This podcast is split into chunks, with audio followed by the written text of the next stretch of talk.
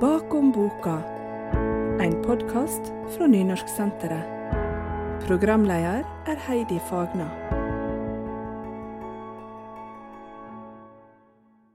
Våren lar ikke seg stoppe sjøl om alt er forandra inn i husa. Det sorkler og dryper og glitrer i Glimmerdalen nå, så det er fryd. Smeltevatnet fløymer nedover fjellsidene, og Glimmerdalselva buldrer songen sin i djupe, dirrende toner. Og Tonje har sovna og våkna til de tonene hele livet. Elvelydene er nesten som pusten hennes, eller noe annet som bare er der. Bøkene hennes er fulle av hverdager og vanlige mennesker med hele spekteret av følelser. Men forklart gjennom Maria Parr-filteret så blir det løftet til noe helt eget og litt magisk. Dette første utdraget var fra storsuksessen Tonje Glimmerdal. Maria Parr, velkommen tilbake om boka. Tusen hjertelig takk.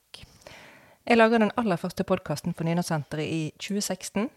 Den var med deg. Vi satt her i akkurat den samme sofaen i huset ditt her. Ja. Da snakker vi mye om den vanskelige tredje boka. Og den er jo kommet for lenge siden, og hun sikra nok en Bragepris på hylla di.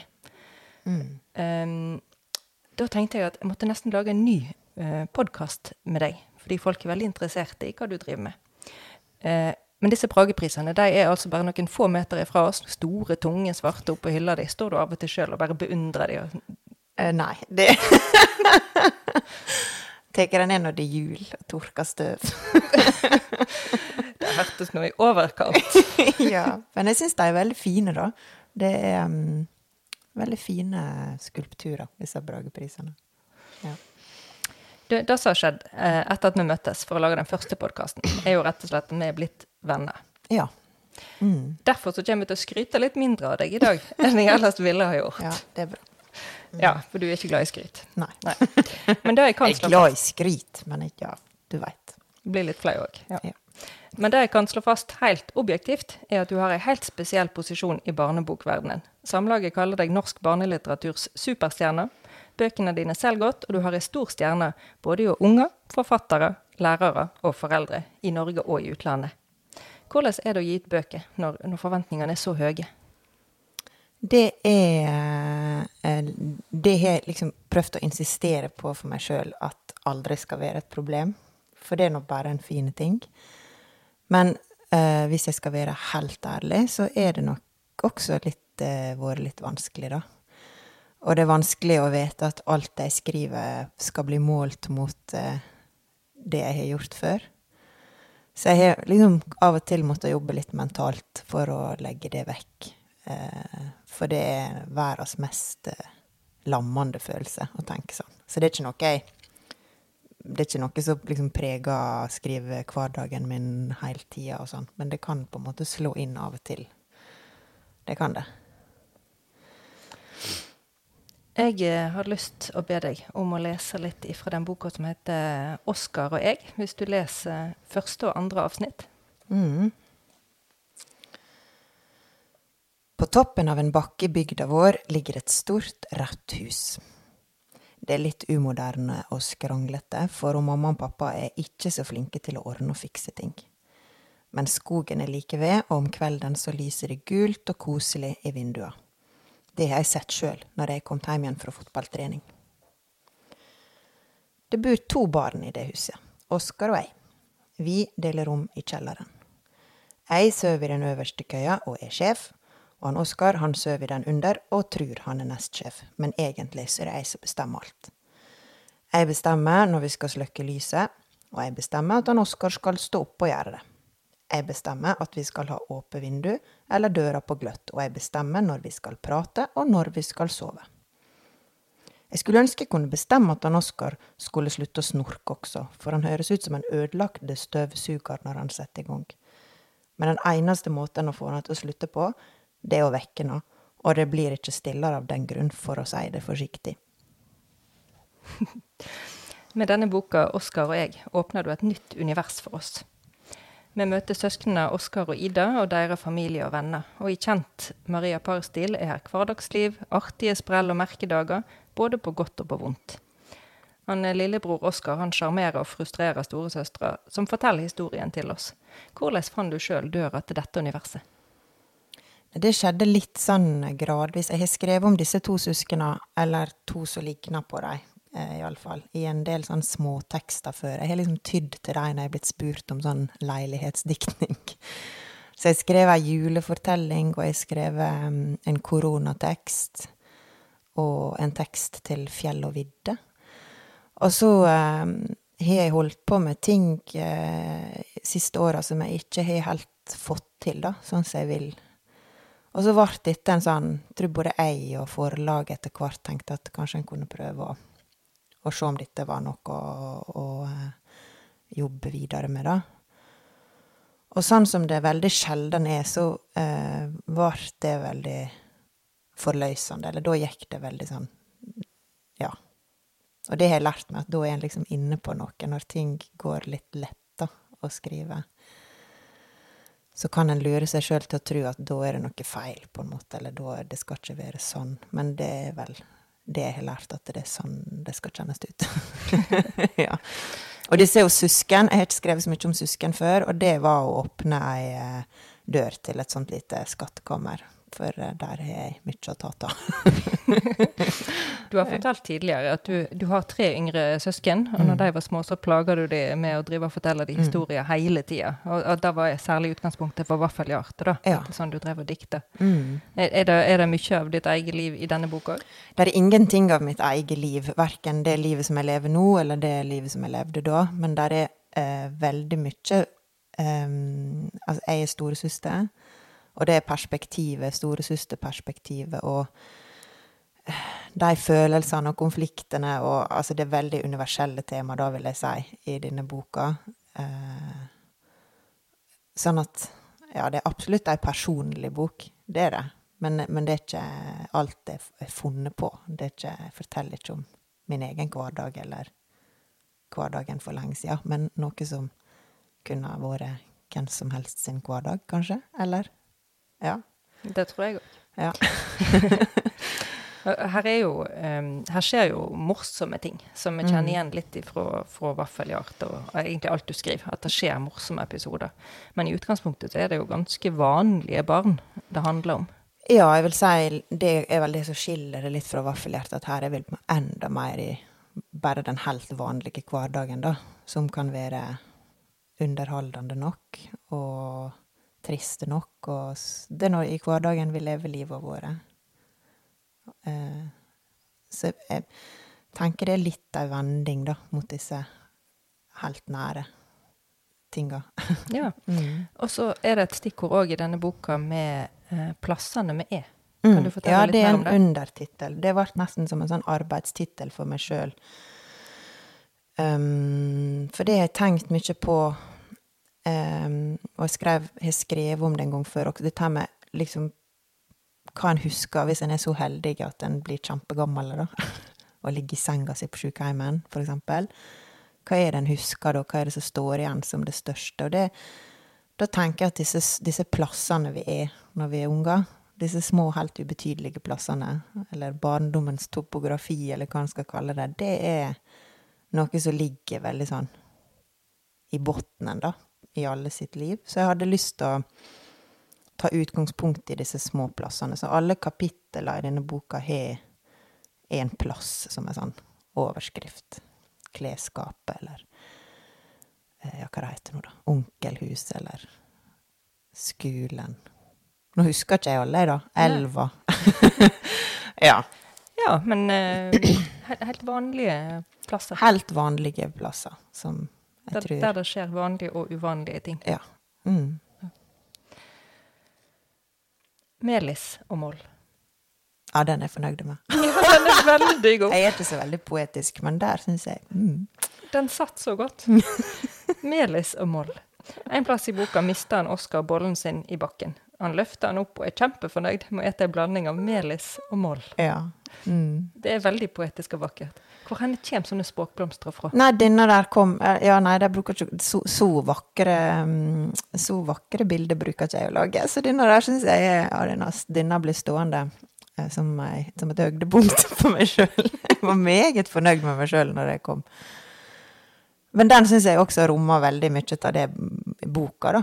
Eller jeg tror bare Jeg tror ikke jeg trenger å si så mye, for jeg tror folk får de assosiasjonene de skal, når de hører disse to ordene der. Ja, det Ja. tror jeg òg. Ja. De var veldig fine. Ja. Du, Med Oskar og Ida har du skapt et univers som vi kommer til å søke oss tilbake til igjen og igjen. Akkurat som du gjorde med Knert-Mathilde og Glimmerdalen. Kommer du til å invitere oss tilbake til dette nye universet seinere?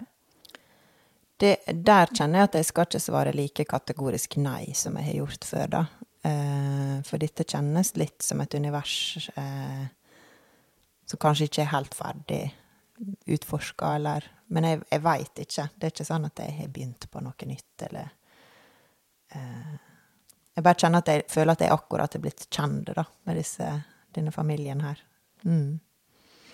Jeg kunne godt tenkt meg at disse her Oskar og Ida kom en tur inn i stua og slo av en prat. Ja. Veldig likende unger. Ja, det er kjekke unger. Men det er nå de stort sett unger. Det har du helt rett i. Ja. Liker du best eh, å lage nye univers, eller liker du å skrive videre fra et du allerede har skapt? Eh, jeg tror alle som skriver, har behov for å fornye seg, da. Jeg har veldig kjent på det, at jeg ofte er veldig ferdig. Å lage en bok er mye jobb, og det er mye sånn Det er ikke bare å skrive den, du skal gjennom den utrolig mange ganger. Og så, sånn som jeg som reis, driver mye med formidling og sånn, så har jeg også formidla bøkene mine. Og da er det ofte et veldig sånn behov for å finne på noe helt annet, da, eller noe helt nytt. Så, så det har jeg veldig glede av. Men jeg husker når jeg skrev denne 'Keeperen og havet', som er en slags oppfølger til 'Vaffelhjertet', som kom kjempelenge, var det tolv år etter, eller noe sånt. At det å da gå tilbake til et kjent univers, det var veldig kjekt. Eh, Så jeg har ikke noe godt svar på dette spørsmålet der, egentlig. Neimen, så fint at ikke du har svar på alt i livet her. Ja, ja. Du, vi skal nevne Bøkene dine er veldig mye lest, men det er jo klart at det er ikke sikkert alle som hører på, har lest alt. Kanskje de har lest noe. Så vi skal bare snakke litt om, om alle sammen, for å ha nevnt de underveis. Ja. Mhm. Debutboka di var 'Vaffelhjerte'. Hun kom i 2015, nei, unnskyld, 25, Mm. 2005, og hun gjorde stor suksess. Her møter vi Lena og Trille, som bor i bygda Knert-Mathilde. De leker med hverandre og farfar og tante farmor. De reiser ut i båten til farfar, og de lager taubane, og de lager jonsokbål. Hvordan kom denne her boka til? Uh, Den kom til uh, Den begynte jeg å skrive på ungdomsskolen. I sånn her eh, enorm eh, inspirasjon etter å ha skrevet sånn særarbeid om Astrid Lindgren. Det var en sånn vannskilje i mitt liv, nesten. Det var Jeg ble utrolig inspirert og hadde lyst til å, å bli forfatter og barnebokforfatter, jeg òg. Men dette er jo også figurer og fortellinger som jeg har hatt med meg helt siden jeg var lita. Eh, og eh, jeg husker på, på ungdomsskoleeleven sitt vis, så tenkte jeg at eh, jeg hadde lært da, gjennom biografi og sånn om Astrid Lindgren, at hun hadde veldig sånn kontakt med barnet i seg sjøl. Og så tenkte jeg det har ikke jeg. Huff, hvor jeg skal. Og så kom jeg på disse her figurene da, som på en måte eh, hang fast i min egen barndom, for jeg hadde dikta dem opp da. Så da var det rett og slett at da må nå der være kjerne ta kontakten med barnet i meg sjøl, tenkte 15 år gamle Maria Parr. Eh, og så begynte jeg å skrive, da. Var det lett eller vanskelig? Jeg, da syns jeg var veldig lett, og, og trodde kanskje eh, Han liksom fått høre at jeg var noe flink å skrive, og hadde noe god sjøltillit kanskje på den fronten, sant. Men du blir jo vurdert litt annerledes som eh, ungdomsskoleeleven du blir når du skal lage ei bok. Så det tok nå ti år før den blei ble det den blei, da. Med forskjellige krokveier. Var du hele tida trygg på at det kom til å bli, eller var du nær å gi opp mange ganger? Nei. Nei, og den hadde ikke så veldig sånn klare tanker den gangen. Det var eh, Jeg husker jeg tenkte også at ja, hvis, hvis, det, hvis alt annet liksom går i, så kan en iallfall skrive. Jeg hadde veldig sånn tru på meg egen At det skulle, skulle berge meg, da, hvis det ikke det gikk med alt det andre. det er noe helt idiotisk å tenke på nå. Eh, men eh, ja. Og jeg husker det var særlig etter jeg begynte å studere og begynte å forstå hvor eh, mye bra bøker som faktisk finnes, da, for jeg har studert nordisk. Da fikk jeg meg en sånn realitetssjekk. Ja. Og da tror jeg en stund jeg tenkte at dette ble for vanskelig å få til, da. Mm. Men hjelpe meg, hvor bra at ikke du ga opp. Ja, og, så, ja, og det var når Samlaget hadde et sånt manusseminar som jeg var på, og der eh, ble jeg liksom peisa inn på rett spor, og så ja. Mm. Hvis ikke du hadde blitt forfatter, da, hva skulle du blitt da? Nei, jeg er nå utdanna lektor, så jeg har vel jobba i skolen, sikkert. Ja, og det eh, hadde nå også vært fint. Mm. Det har jeg gjort også litt, men jeg, jeg, jeg har kjent at det at det jeg virkelig vil, da, er å skrive. Og, og, og få det til godt. Så det føles heldig å ha fått lov å gjøre det. Um, bøkene dine. Uh, etter 'Vaffelhjerte' tok det fire år. Så kom Tonje Glimmerdal, som ble ditt store gjennombrudd. Her møter vi den viltre og artige Tonje, som har lært oss at alt du trenger, er fart og sjøltillit. Mm. Dette er ei heilstøpt bok som gir assosiasjoner både til Ronja Røverdatter og litt Pippi Langstrømpe, og barnebokklassikeren Heidi har du sjøl skrevet inn som en del av boka. Når oppsto Tonje? Nei, Hun oppsto litt sånn gradvis. Det, det, er aldri sånn rett linje det blir til disse bøkene mine. Og ofte skriver litt sånn mange begynnelser, og hun heter Tore en periode. og det var ei bok som skulle handle om disse tantene hennes. Ja, så det husker ikke jeg helt. Men hun, Tonje kom litt sånn Ja, inn fra sida.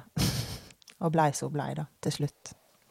Og kommer nok òg fra Ronja Røverdatter, det kan jeg ikke legge skjul på. Det var det derre eh, ønsket om å, å, gjenskape en slags sånn fascinasjon for denne ungen som har alle de voksne for seg sjøl, og som er liksom keiserinne i sitt eget enorme rike. Det fascinerte meg veldig når jeg var lita. Og en jakter kanskje litt på de leseopplevelsene når en skriver, tror jeg. Ja, ja det høres naturlig ut. Mm. Hvor stor suksess hadde Tore Glimmerdal blitt?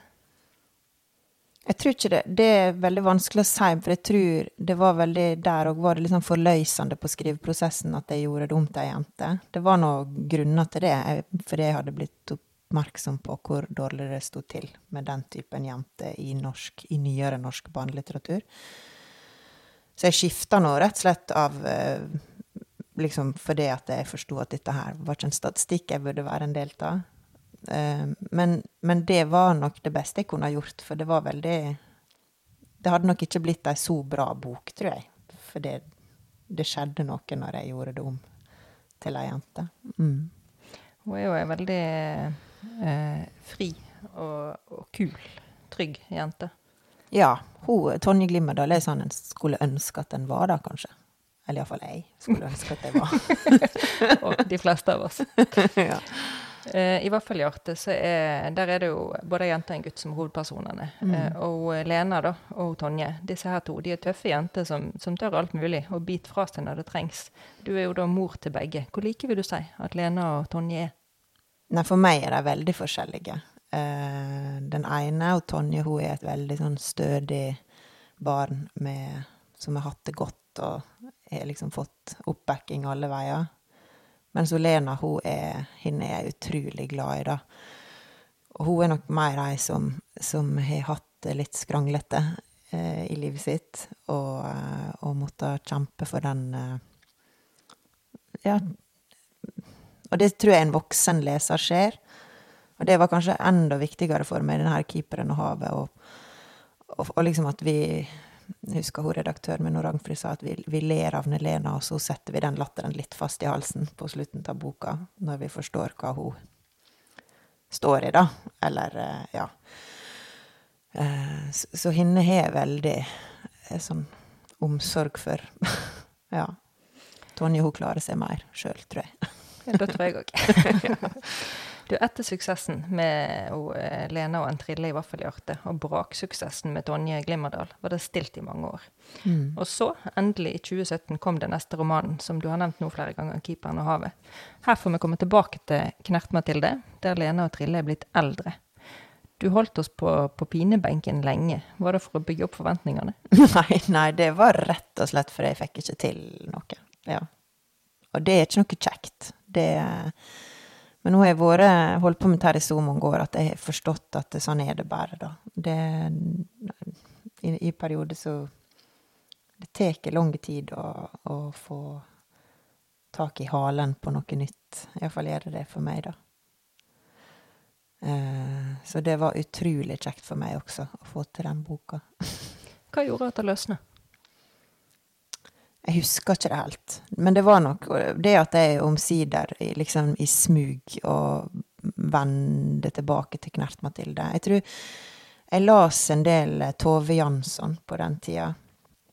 Hennes bøker er jeg veldig glad i, både Mummibøkene og Sommerboken og Billedhuggerens datter. Og hun skriver veldig fint om havet. Eh, men så skriver hun også, i disse Mummibøkene, er utrolig forskjellige.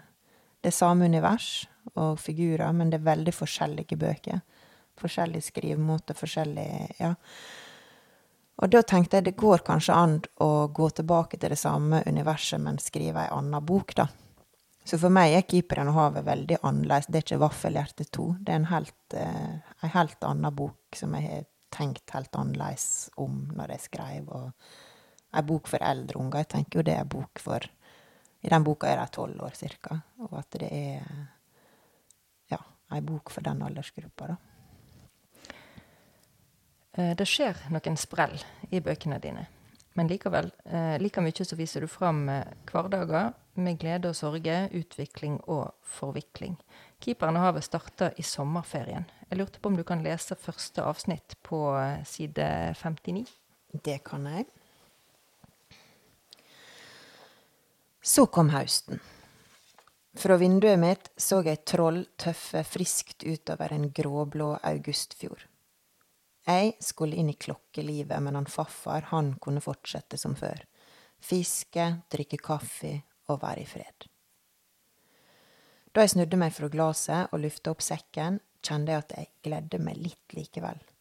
I dag fikk jeg se Birgitte igjen. Og for første gangen i mitt liv sto jeg lenge framfor klesskapet og funderte på hva jeg skulle ha på meg. Ingenting av det som lå der, var spesielt kult, tror jeg. På badet knabba jeg litt hårvoks fra Magnus. Klokkelivet. Det er så fint ord. Ja, det hadde jeg faktisk glemt at jeg hadde skrevet. Har du funnet på det sjøl? Nei, det har jeg sikkert ikke. Klokke, klokkelivet. Ja, det var så godt skrevet. Og her får vi et forvarsel om det som skal komme i denne boka her. Mm. Han er Trille han er på vei ut av barndommens begrensa persongalleri og vekk fra bestefaren sin hverdag. Og dette er jo en helt nødvendig livsfase. Men han kan jo smerte både, både barn og voksne. Mm. Eh, og som mor så får jeg litt vondt av å lese det. Som mor får ikke du nesten litt vondt av å skrive det? Nei, nei, det får ikke jeg. Men jeg husker, for det er også en veldig fin tid der en oppdager at Det er ikke så kjekt alltid å oppdage at de voksne er folk, de også, og sånn. Litt sånn som Tonje Glimmerdal finner ut med sin bestevenn i Glimmerdalen, at eh, at han er ikke bare snill, sånn som hun alltid har trodd. Men det er også en periode der en, når en bor i ei lita bygd, plutselig forstår at verden er større, da, og har flere muligheter, og at ikke alt som en sjøl har tenkt, er helt opplest og vedtatt, eh, er sånn. Eh, og det er skummelt, og, men det er nå også veldig fint, da. ja. Ja, det, jo da, det er det. Men. Kan det være hardt for oss mødre, da, at ungene blir store, men Sånn er det. og nå har du altså åpnet et nytt univers, ja. Eh, der vi får bli kjent med søsknene Oskar og Ida og deres familie og venner. Tar det lang tid å bygge eh, karakterer og univers? Ja, det tar lang tid. Uh, og jeg tror noe av grunnen til at det har gått litt fort denne gangen her, er nok at jeg har skrevet om disse ungene før. Liksom gjennom flere år. Og har, det har ligget der en eller annen plass og surra litt, da. Sånn at eh, Men, men jeg, jeg, skriver mye. Jeg må Det er ikke sånn at jeg kan sitte og tenke det ut. Jeg, jeg, må liksom skrive meg inn i det. Og når jeg er ferdig med ei bok, så tror jeg jeg kunne svart nesten på hva som helst som gjelder disse figurene mine, da. Jeg føler at jeg kjenner dem godt. Ja. Hva ville han Oskar ha sagt hvis han kom inn her akkurat nå, da? Og han hadde spurt om han kunne ta jordbær. Tror jeg. Ja. Hva med Tonje Glimmerdal, hvis hun hadde kommet inn her nå? Hun hadde vel bare tatt jordbær. hun hadde satt seg ned, tror jeg, og, og, og sett på oss som at eh, det var heldig for oss at hun kom nå, og, og kunne sitte her og glede oss med sitt nærvær. Hvis Lena Lid kom inn, da? Ja, hun hadde nok eh, ikke Hun hadde kanskje ikke sånn sett direkte på oss, og, eh, men vært litt mer sånn skjærre, og kanskje henta noen triller, da, eller liksom Kanskje ikke forholdt seg direkte til oss med en gang, tror jeg. Har nok tatt jordbær, hun òg. Klarer du å legge fra deg figurene når du har skrevet bøkene? Ja, ja, ja. ja. ja. Det er ikke noe problem. Mm. Men, men vi som leser om de, blir jo glad i de. Og du som har laga de, må jo nødvendigvis være veldig glad i de. Ja, men jeg har ikke et sånt forhold til, til dem at jeg eh, at jeg at jeg føler de finnes, på en måte. Nei. Men det er mer at det De representerer nå en del ting som jeg syns er viktig, da. Og, og, alltid når jeg Ja, når jeg formidler, leser høyt, eller snakker med deg, sånn som nå, eller Så er det ting som betyr noe for meg. Og da er jeg opptatt av de og det de lever i, og hanskes med. Men sånn ellers er nå det noe annet å tenke på. ja, det er sant. Ja. Du, felles for alle bøkene dine er en sånn varme og klokskap som ligger der hele tida. Og Sånn framstår du òg når du er ute på forfatteroppdrag. Og det beste er at jeg kan si som din venn at du er sånn varm og klok hele tida. Det var så objektivt. Heidi. helt objektivt. Fullstendig 100 objektivt. Du, du har mye å si om mennesket og om samhandling mellom mennesker, og du gjør det med ypperlige formuleringer. Må en være en menneskekjenner for å bli en god forfatter? Nei, for jeg tror en kan skrive veldig gode bøker om ting som ikke er så mye med mennesker å gjøre. Kanskje det, da. Um, jeg er vel, det er vel min største interesse, tror jeg. Uh, det er folk. Det er det alltid vært. Alltid vært interessert folk. Alltid, jeg vokste opp i en heim der, der en er interessert i folk. Ikke sånn, aldri vært sånn slarv hjemme med oss, men en sånn eh, positiv interesse for folk, og hvem folk er, og hva de Alt rart som finnes i verden, på en måte, ta folk, da. Eh, det har jeg innsett i seinere tid, at eh, folk og deres historie og deres liv, det har alltid interessert meg. Ja. For far din var jo lokalavisredaktør, og mor mm. di var jo lærer. Det er jo mm. veldig menneskeyrke, begge to. Ja, ja. Har du hatt mye folk hjemme hos deg som du er blitt prega av? Jeg tror ikke vi har hatt mer folk hjemme enn andre folk. Vi har vært helt sånn vanlige Vi er veldig vanlige. Men, men mer denne her eh, Ja, jeg klarer ikke å forklare det på noen annen måte enn at jeg er interessert i folk. Når jeg er, når jeg er i en ny storby, da, for eksempel Dette er litt flaut å si, men da er det litt sånn ta plikt. Jeg går på museum og, og, og sånne ting. For egentlig så interesserer ikke det meg så veldig. Men hvis jeg får treffe noen, eller uh, prate med noen um, Ja, sånn som nå Jeg har nå vært heldig og fått kommet litt rundt omkring grunn av disse bøkene mine, og blitt, fått bli kjent med omsettere, og det syns jeg er enormt spennende, da. Mer enn uh, å få se de historiske bygga, eller Ja dette syns jeg er litt pinlig å innrømme, da, men det er nesten alltid folk som er mest interessant. ja, men det ja. overrasker meg jo egentlig ingen verdens ting. For en kan ikke bli så god på folk hvis ikke en er interessert i dem. Det Nei, sammen. Det er mye annet jeg ikke er så god på, da. hvis jeg skal se på stjernehimmelen, da, for eksempel, så klarer ikke jeg å Da er det alltid mest interessant hvem det er jeg gjør det med, eller sånn. Det er Ja. Ja. Nei. Dette er litt pinlig, men sånn er nå det. Bakom boka, en podkast fra Nynorsksenteret. Du, vi har allerede vært innom Astrid Lindgren flere ganger. Ja. For du har i flere år jevnlig blitt sammenligna med henne, og du sier jo òg at hun har inspirert både bok nummer én og, og bok nummer to. Hvordan eh, er det for deg når folk sier at du er moderne Astrid Lindgren? Eh, nei, nå, jeg tenker ikke så mye på det, egentlig, da. I begynnelsen så husker jeg ble helt sånn Prøvde å holde meg rolig og sånn, liksom. Og så var jeg helt sånn jeg Slo jeg liksom Stupte kråke innvendig for noe Det var nå det fineste komplimentet jeg kunne få.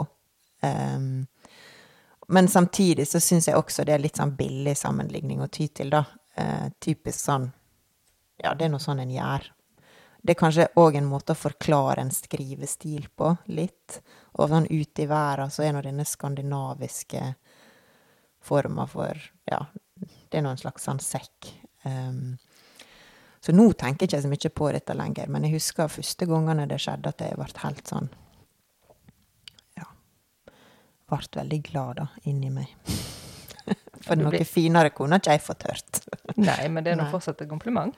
Ja, ja, ja, ja, ja. det er fortsatt et kompliment, men det er kanskje en sånn ting som jeg ikke tenker så mye på lenger, da. Fordi det er blitt gjort så mye, og kanskje misbrukt litt. Okay. Som sagt, en litt sånn lett, eh, ja.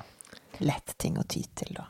Men når det var hun som, som sparka deg i gang, og du tenkte mm. at det hadde vært flott å kunne gjøre noe sånn som hun klarer, mm. og folk deretter i år etter år sier 'oi, du minner om Astrid Lindgren', da betyr jo det at du har lykkes med det du setter i gang med? Ja, og hun, hennes forfatterskap, og også hennes liv, altså det jeg betyr utrolig mye for meg, da. Jeg er veldig har et veldig sterkt forhold til Astrid Lindgren. Og det, sånn kommer det alltid til å være, tror jeg. Mm. Hva er det med hennes forfatterskap som, eh, som rører deg mest? Der er en veldig sånn humanisme i bunnen.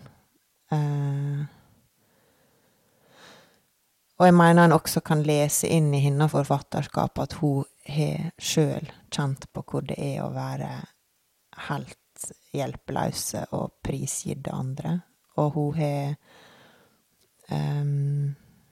også denne her uh, utrolig moderne forsvaret for barnet, da. Altså, hun var ting som vi i dag tar som sjølsagt, var ikke sjølsagt når hun begynte å skrive. Og, og hvordan hun er på ungene sin side. Du kan, kan, merke at hun hadde veldig sånn genuin omsorg for unger, og helt sikkert tenkte mye på unger som var forsømd eller aleine. Det tror jeg hun må ha gjort. Eh, ja, der ligger noe sånn ekte. Og, og naturgleder som hun formidler. Og forteller den her eh, fortellertradisjonen, eller der er jo alltid mye fortellinger i bøkene hennes.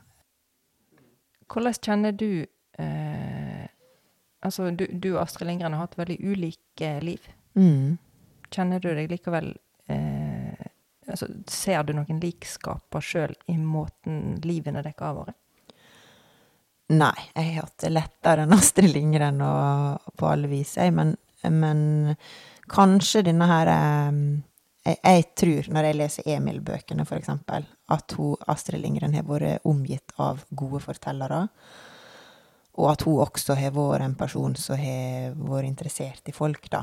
Eller har liksom oppsøkt eh, for det bobler veldig over til en sånn muntlig fortellerform. Og den tror jeg også har vært heldig å, å, å vokse opp i, med, med, folk som har vært flinke til å fortelle hverdagen, og fortelle gamle dagen. ja. Eh, så hvis det skulle være noe, så måtte det vel være det. Og så at vi også har vokst opp i, i natur. Ja. Mm. Um, hun er kjent for å skrive med varme, omtanke og forståelse for barnet. Hun er kjent for å lage gode historier som står seg over tid. Hun lager figurer som rører ved oss, både i det gode og det onde. Snakker jeg nå om Astrid Lindgren eller Maria Parr? Nei, det veit ikke. Dette syns jeg var suspekt. Nei. suspekt.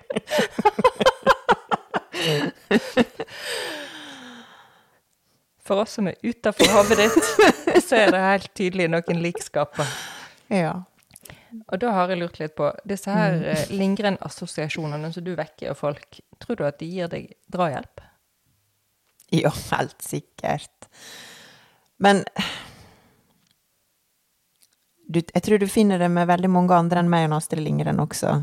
Det, jeg tror det handler om Jeg tenker iallfall, da, når jeg skriver bøker, så vil jeg at de ungene som leser de bøkene, når de er ferdig, skal sitte igjen med litt sånn pågangsmot og håp, og en god følelse.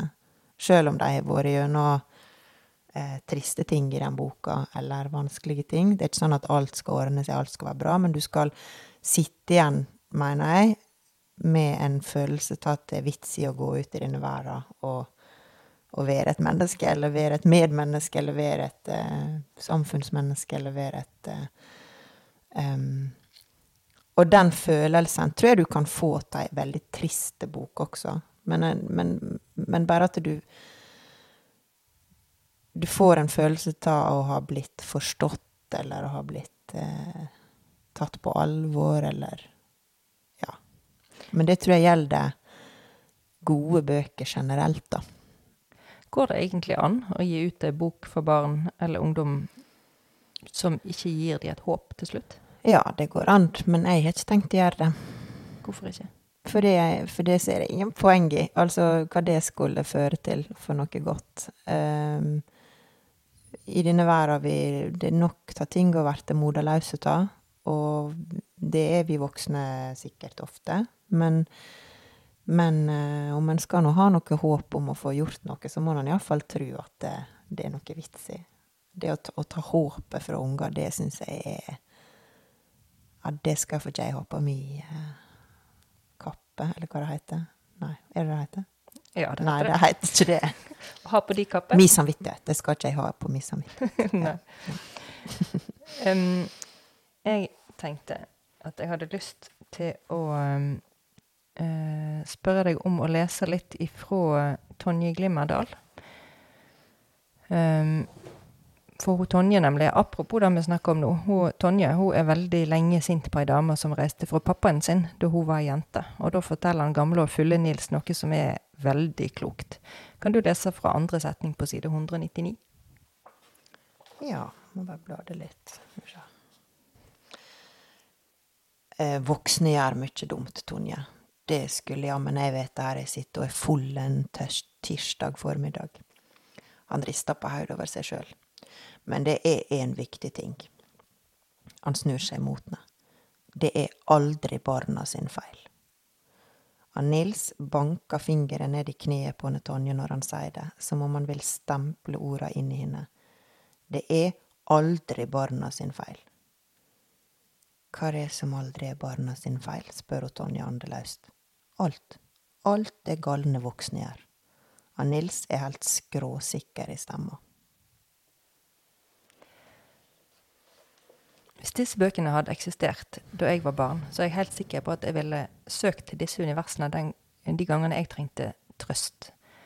Eh, fordi at du skriver ting som dette her. Skriver du sånne bøker med tanke på barn som, som trenger trøst?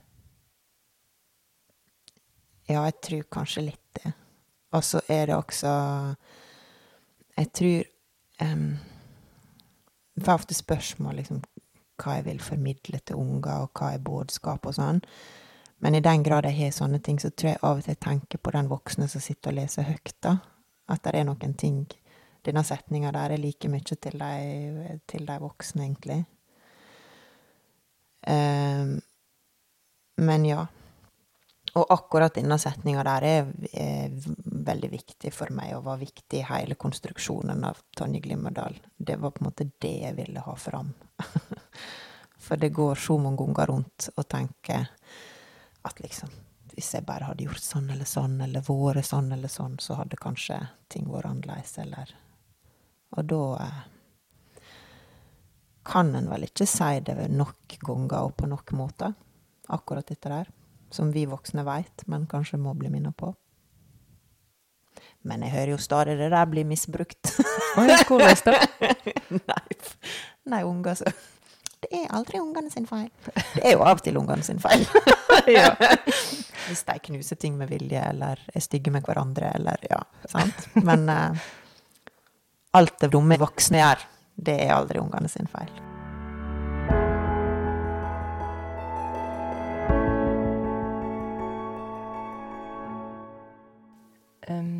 Du klarer å lage univers som vi kjenner oss hjemme i. eh, du lager figurer som vi blir glad i, men ofte så, så dør noen av dem i løpet av boka.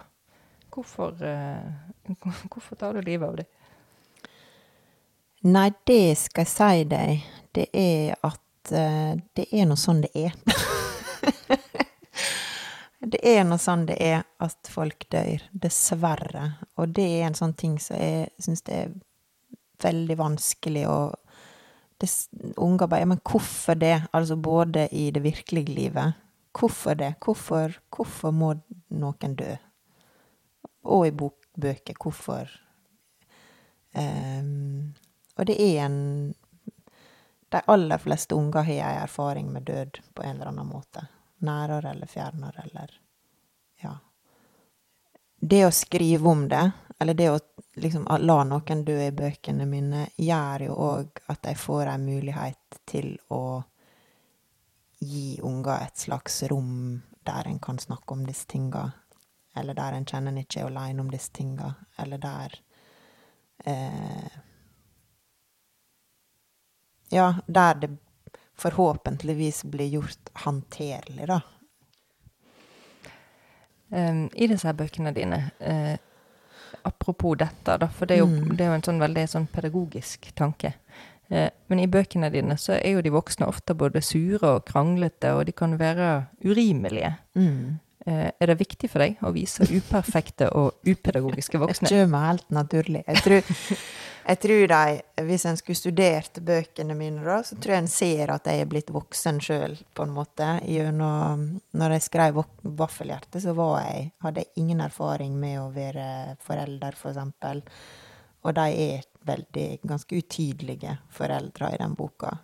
Og så og nå er det veldig vanskelig å skrive noe der det er så Nå, nå kan jeg i veldig mye større grad relatere meg til den voksne i bøkene mine, og det har nok gjort dem eh, mer nyanserte, men kanskje også mer usympatiske, eller ja, en, en gjør og sier mye elendig i løpet av en dag som forelder. Og det tenker jeg ikke noen grunn til å, å legge skjul på, da. Og så kanskje på en måte en ser at i bunnen så er det, er det liksom bra, men det er ikke alt så Der er mye dobbeltmoral og, og eh, ja.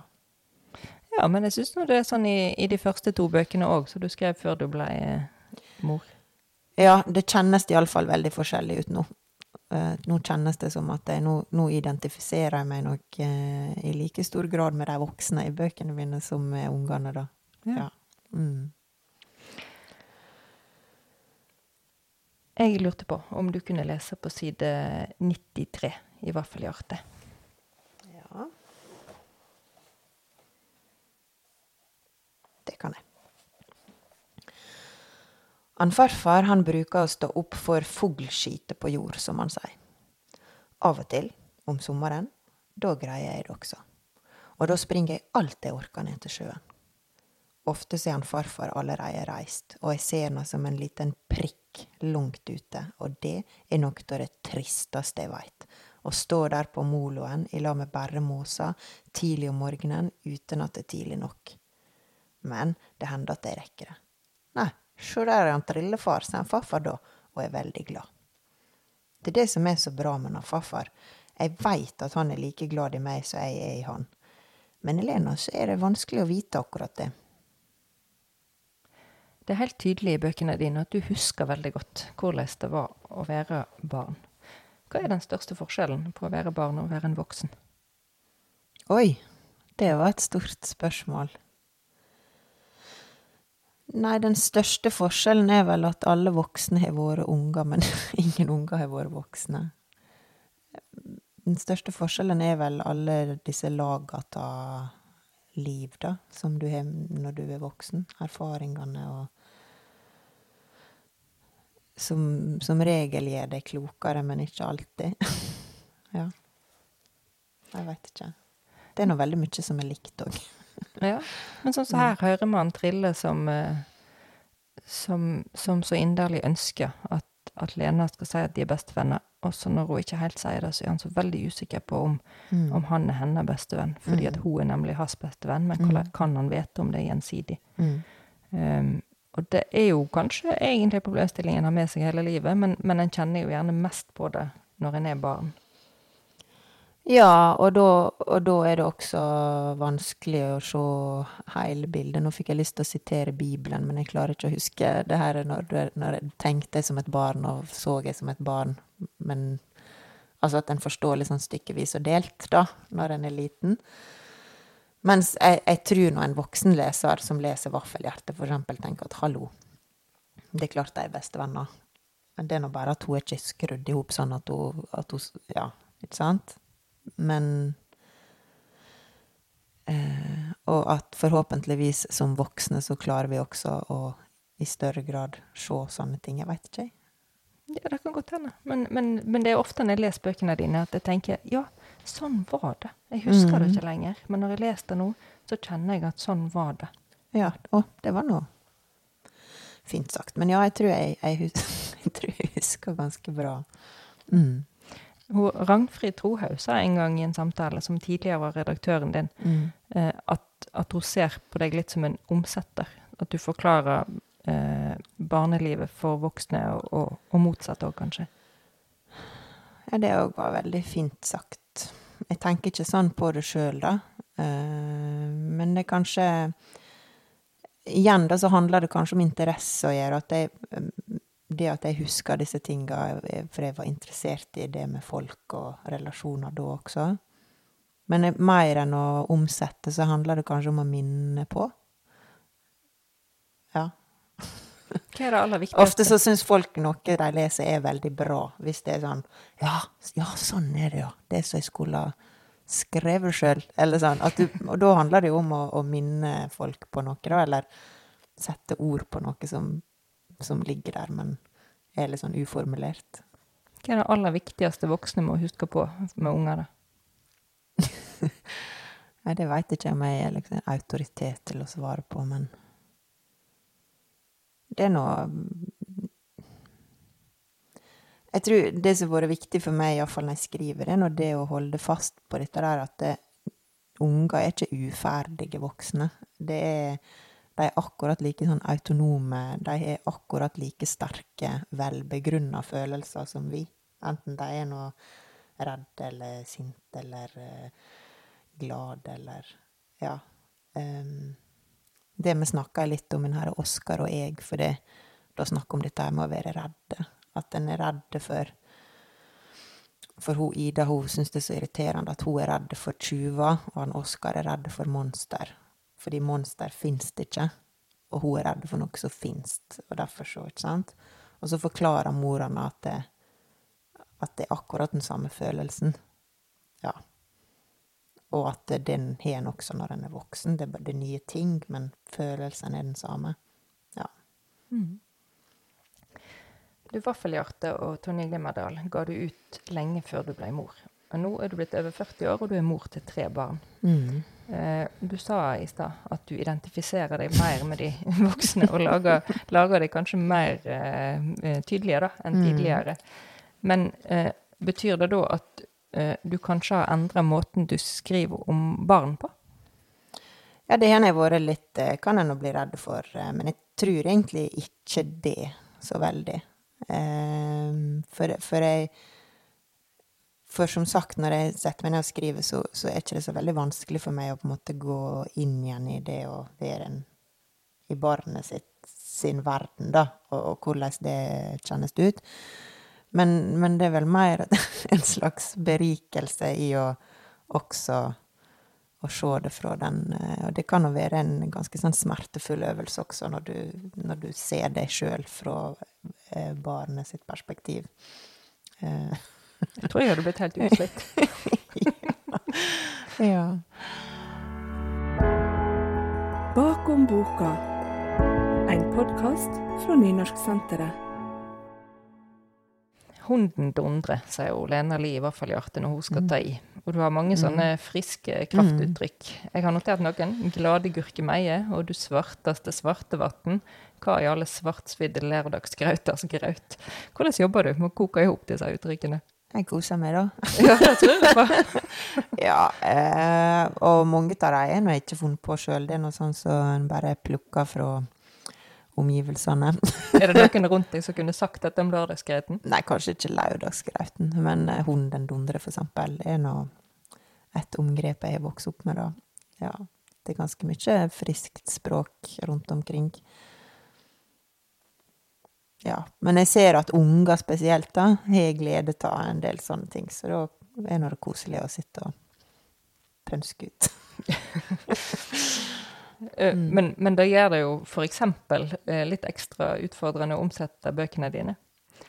Ja, det kan hende. Jeg hørte en gang et foredrag om han som omsetter til engelsk. Og disse her ramsalte uttrykkene dine fra havgapet Jeg mener han sa at et av de var 'smoking haddock', så han da måtte bare finne på sjøl. Ja, det er han eh, Guy Pusey som har, opp, eh, som har omsett til engelsk. Men Ja. han har løst det med å, å bruke en del eh, uttrykk fra skotske landsbygda, eller ja.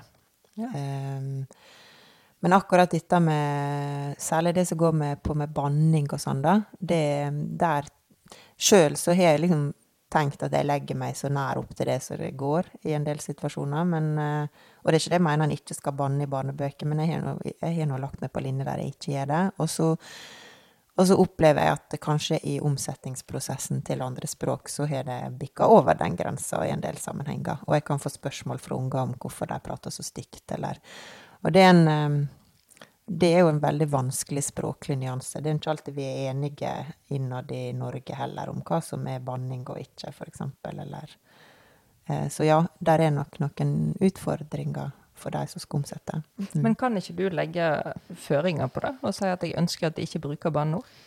Ja, men det er ikke alltid en husker på å si det, eller sånn. Ja, det Ja, og ikke er det så tar ikke så eh, voldsomt det er tungt på disse tinga der, men eh, jeg registrerer det med interesse. For dette er, eh, dette er et vanskelig felt. Humor er jo et annet varemerke for, for bøkene dine. Mm. Hvor viktig er det i barnebøker? Å, det er kjempeviktig. Det er um, Ja, det skal nå vel være kjekt, da. Skal ikke det å lese eller bli lest for. Det syns jeg. Eller, ja, så klart ikke alltid, men jeg syns det. jeg har alltid Jeg har veldig, veldig tungt sjøl for å nå også å lese bøker uten humor. Der er, der er gode forfattere som jeg ikke klarer å komme gjennom, for det Altså, det må være litt glimt i øynene for at jeg skal klare å, å, å kjempe meg gjennom det. Vi var inne på språk. Vi må jo òg nevne nynorsk. Mange dropper denne her mindre brukte form av norsk av kommersielle omsyn, eh, for de sier de selger mer på bokmål. Hadde du solgt mer hvis du ga ut bøker på bokmål? Nei, det tror jeg ikke. Hvorfor ikke? Eh, nei, jeg tror ikke de hadde vært De hadde forsvunnet mer i mengde, tror jeg. Og det, jeg syns det er så mange fordeler med å med å skrive dem på den målforma jeg gjør. Både at det ligger nærere det muntlige og, og høytlesinga og alt dette her for meg og for veldig mange i dette landet. Men, men jeg tror også dette privilegiet av å få være Ja, ikke bare Jeg, jeg tror det har forsvunnet mer i mengde. Det er ikke sikkert jeg hadde klart å skrive dem heller like bra. Eller det hadde ikke jeg. Det er nå dette som er hovedmålet mitt, som jeg kan. Og som jeg Ja. Mm. Hva er hunden dundre på bokmål? Nei, det er nå hunden dundre, for det, Heidi, er et eh, muntlig uttrykk. Ja, det det er nok annet skriftspråk. OK. Mm. Hundundre. Hunden dundre. hunden dundre. Hunden bråker, kanskje. Ja, nei, det hadde nok fått lov å stå på bokmål også. Mm. Bygda. Havet. Besteforeldre. Gamle mennesker som alltid har vært der. Mm. Slik skriver du, og slik lever du. ja. Tidligere bodde du i Bergen og i Volda, men nå bor du ytterst i havgapet i den vesle kommunen Vanylven. Mm. Hadde det ikke vært lettere for deg å være litt sånn litteraturkjendis om du bodde i mer sentrale strøk og var mer tilgjengelig? Ja, det er nå en grunn til å bo her. Helt ærlig. Eh, men det jeg tenkt på en del, at om det hadde vært lettere å Sånn som Vaffelhjerte og Tonje Glimmerdal skrev jeg noe i sånn diaspora, eller hva jeg skal kalle det. Altså, da var jeg en annen plass og lengta hit. Og den lengten, den er veldig eh, Den er veldig sånn god å ha når en skriver. Sånn at jeg tror ikke for selve skrivinga er ikke det sånn at fordi at en sitter midt oppi det en skriver om, nødvendigvis er en fordel, da. Men jeg har noe avstand til det at det er en avstand til barndommen. Mm. Du er veldig ekte, Marie. Ja, er ikke alle ekte, da? Jo, men noen lager liksom mer eh, fasade enn andre, da. Ja. Og det, det, det gjør Kanskje, ikke du. kanskje jeg gjør det. Eh, Kanskje Kanskje, jeg gjør det. kanskje gir du egentlig blaffen i alle Ja, disse det kan tingene her. godt hende. Mm. Um, jeg nevnte så vidt uh, priser i starten av samtalen. Mm -hmm. uh, allerede for debutboka di, i hvert fall i Arte, ble du nominert til den prestisjetunge Brageprisen. Og så deretter fikk du den da for barnebok nummer to og barnebok nummer tre. Og du kommer antageligvis til å få uh, flere òg. Um, men du er jo kanskje verdens mest nedpå-forfatter. Nå ser du lukka øynene, for du kvir deg sånn i tilfelle jeg skal drive og skryte av deg igjen. Nei, jeg lurer mer på hva du skal spørre om. Du, hva skal til for å noensinne vippe deg over i sjøldyrking? Ja, det driver jeg nå litt med. Nei. Tror jeg ingenting på. Nei. Nei, altså, det ser jeg verken ingen grunn til og ingen poeng med, og ingen Det er nok av ting her i verden som jeg ikke får til, og, og, eh, og skammer meg over, og eh, Det er liksom det, da. At jeg får lov til å være en sånn perfekt utgave av meg sjøl når jeg skriver. Jeg kan sitte og, tenke skikkelig godt gjennom alt sammen. Og det får være gjennomtenkt, og det får Det kan jeg, tenke, det kan jeg kjenne når jeg skriver e-poster og sånn også, at det å kunne skrive gjør at du kan på en måte framstå som en, den beste versjonen og gjennom kloke og gjennomtenkte personen av deg sjøl. Men det er ikke sånn at, at det er sånn i den Ja. Nei, det er nok av situasjoner gjennom en dag der en blir plukka grundig ned, ja. Det Får vel takke de som er rundt meg, da, antakeligvis. de holder deg på jordet. Ja, det er ikke noe problem. Men bøkene dine kommer i stadig nye opplag, eh, og de blir ov- omsett til stadig nye språk. Vaffelhjerte ble TV-serie, og Tonje Glimmerdal ble teater. Eh, veldig, veldig mange kjenner disse universene dine og setter pris på dem og er glad i dem. Mm. Hvordan kjennes det å ha skapt noe som, som blir så mye større enn seg sjøl? Uh, nei, det er jeg veldig glad for, da. Dette betyr mye for meg. Det betyr mye for meg når uh, Fordi at jeg har en jobb som jeg ikke ser direkte nytte av. Jeg tenkte veldig mye på det under korona, når jeg satt oppe på loftet mitt og spekulerte. Og var inne i en sånn skrivetørke, og folk holdt landet i gang. Gikk på, var lærere og sykepleiere og altså gjorde viktige ting. Og det eneste jeg fikk til da, det var å skrive en novelle om korona. Men så, og da få høre eh, etterpå, eller av og til, at den hadde betydd noe for noen. Eh, det, det nå må nå være det som på en måte eh, rettfer- For jeg, jeg, jeg kunne gjort andre ting som var viktig. Det tror jeg. Så, så når jeg får høre sånne ting, og at det jeg har laga, har betydd noe i folk sine liv på en eller annen måte, så betyr det enormt masse for meg. Det er det. Jeg blir utrolig glad, og folk sier alltid sånn Ja, du har sikkert hørt dette før, men, men jeg, jeg, jeg blir, blir like glad hver gang, da, når noen sier noe sånt. For det, det gjør at jeg liksom kan rettferdiggjøre for meg sjøl at jeg driver med dette her. Ei eh, venninne sa nylig at hun var så glad for at ungene hennes får vokse opp i en verden der bøkene dine fins. ja. Mm. Hva syns du om sånt? Eh, nei, det er nå veldig ja, ja, tenk å få høre det, da. Det er nå veldig Maria gjemte det i hjertet sitt og grunna på det. Ja, det ser jeg. du, tusen takk for at du var med i denne episoden av Bakom boka. Sjøl takk. Du har hørt Bakom boka, en podkast fra Nynorsksenteret. Programleder er Heidi Fagna.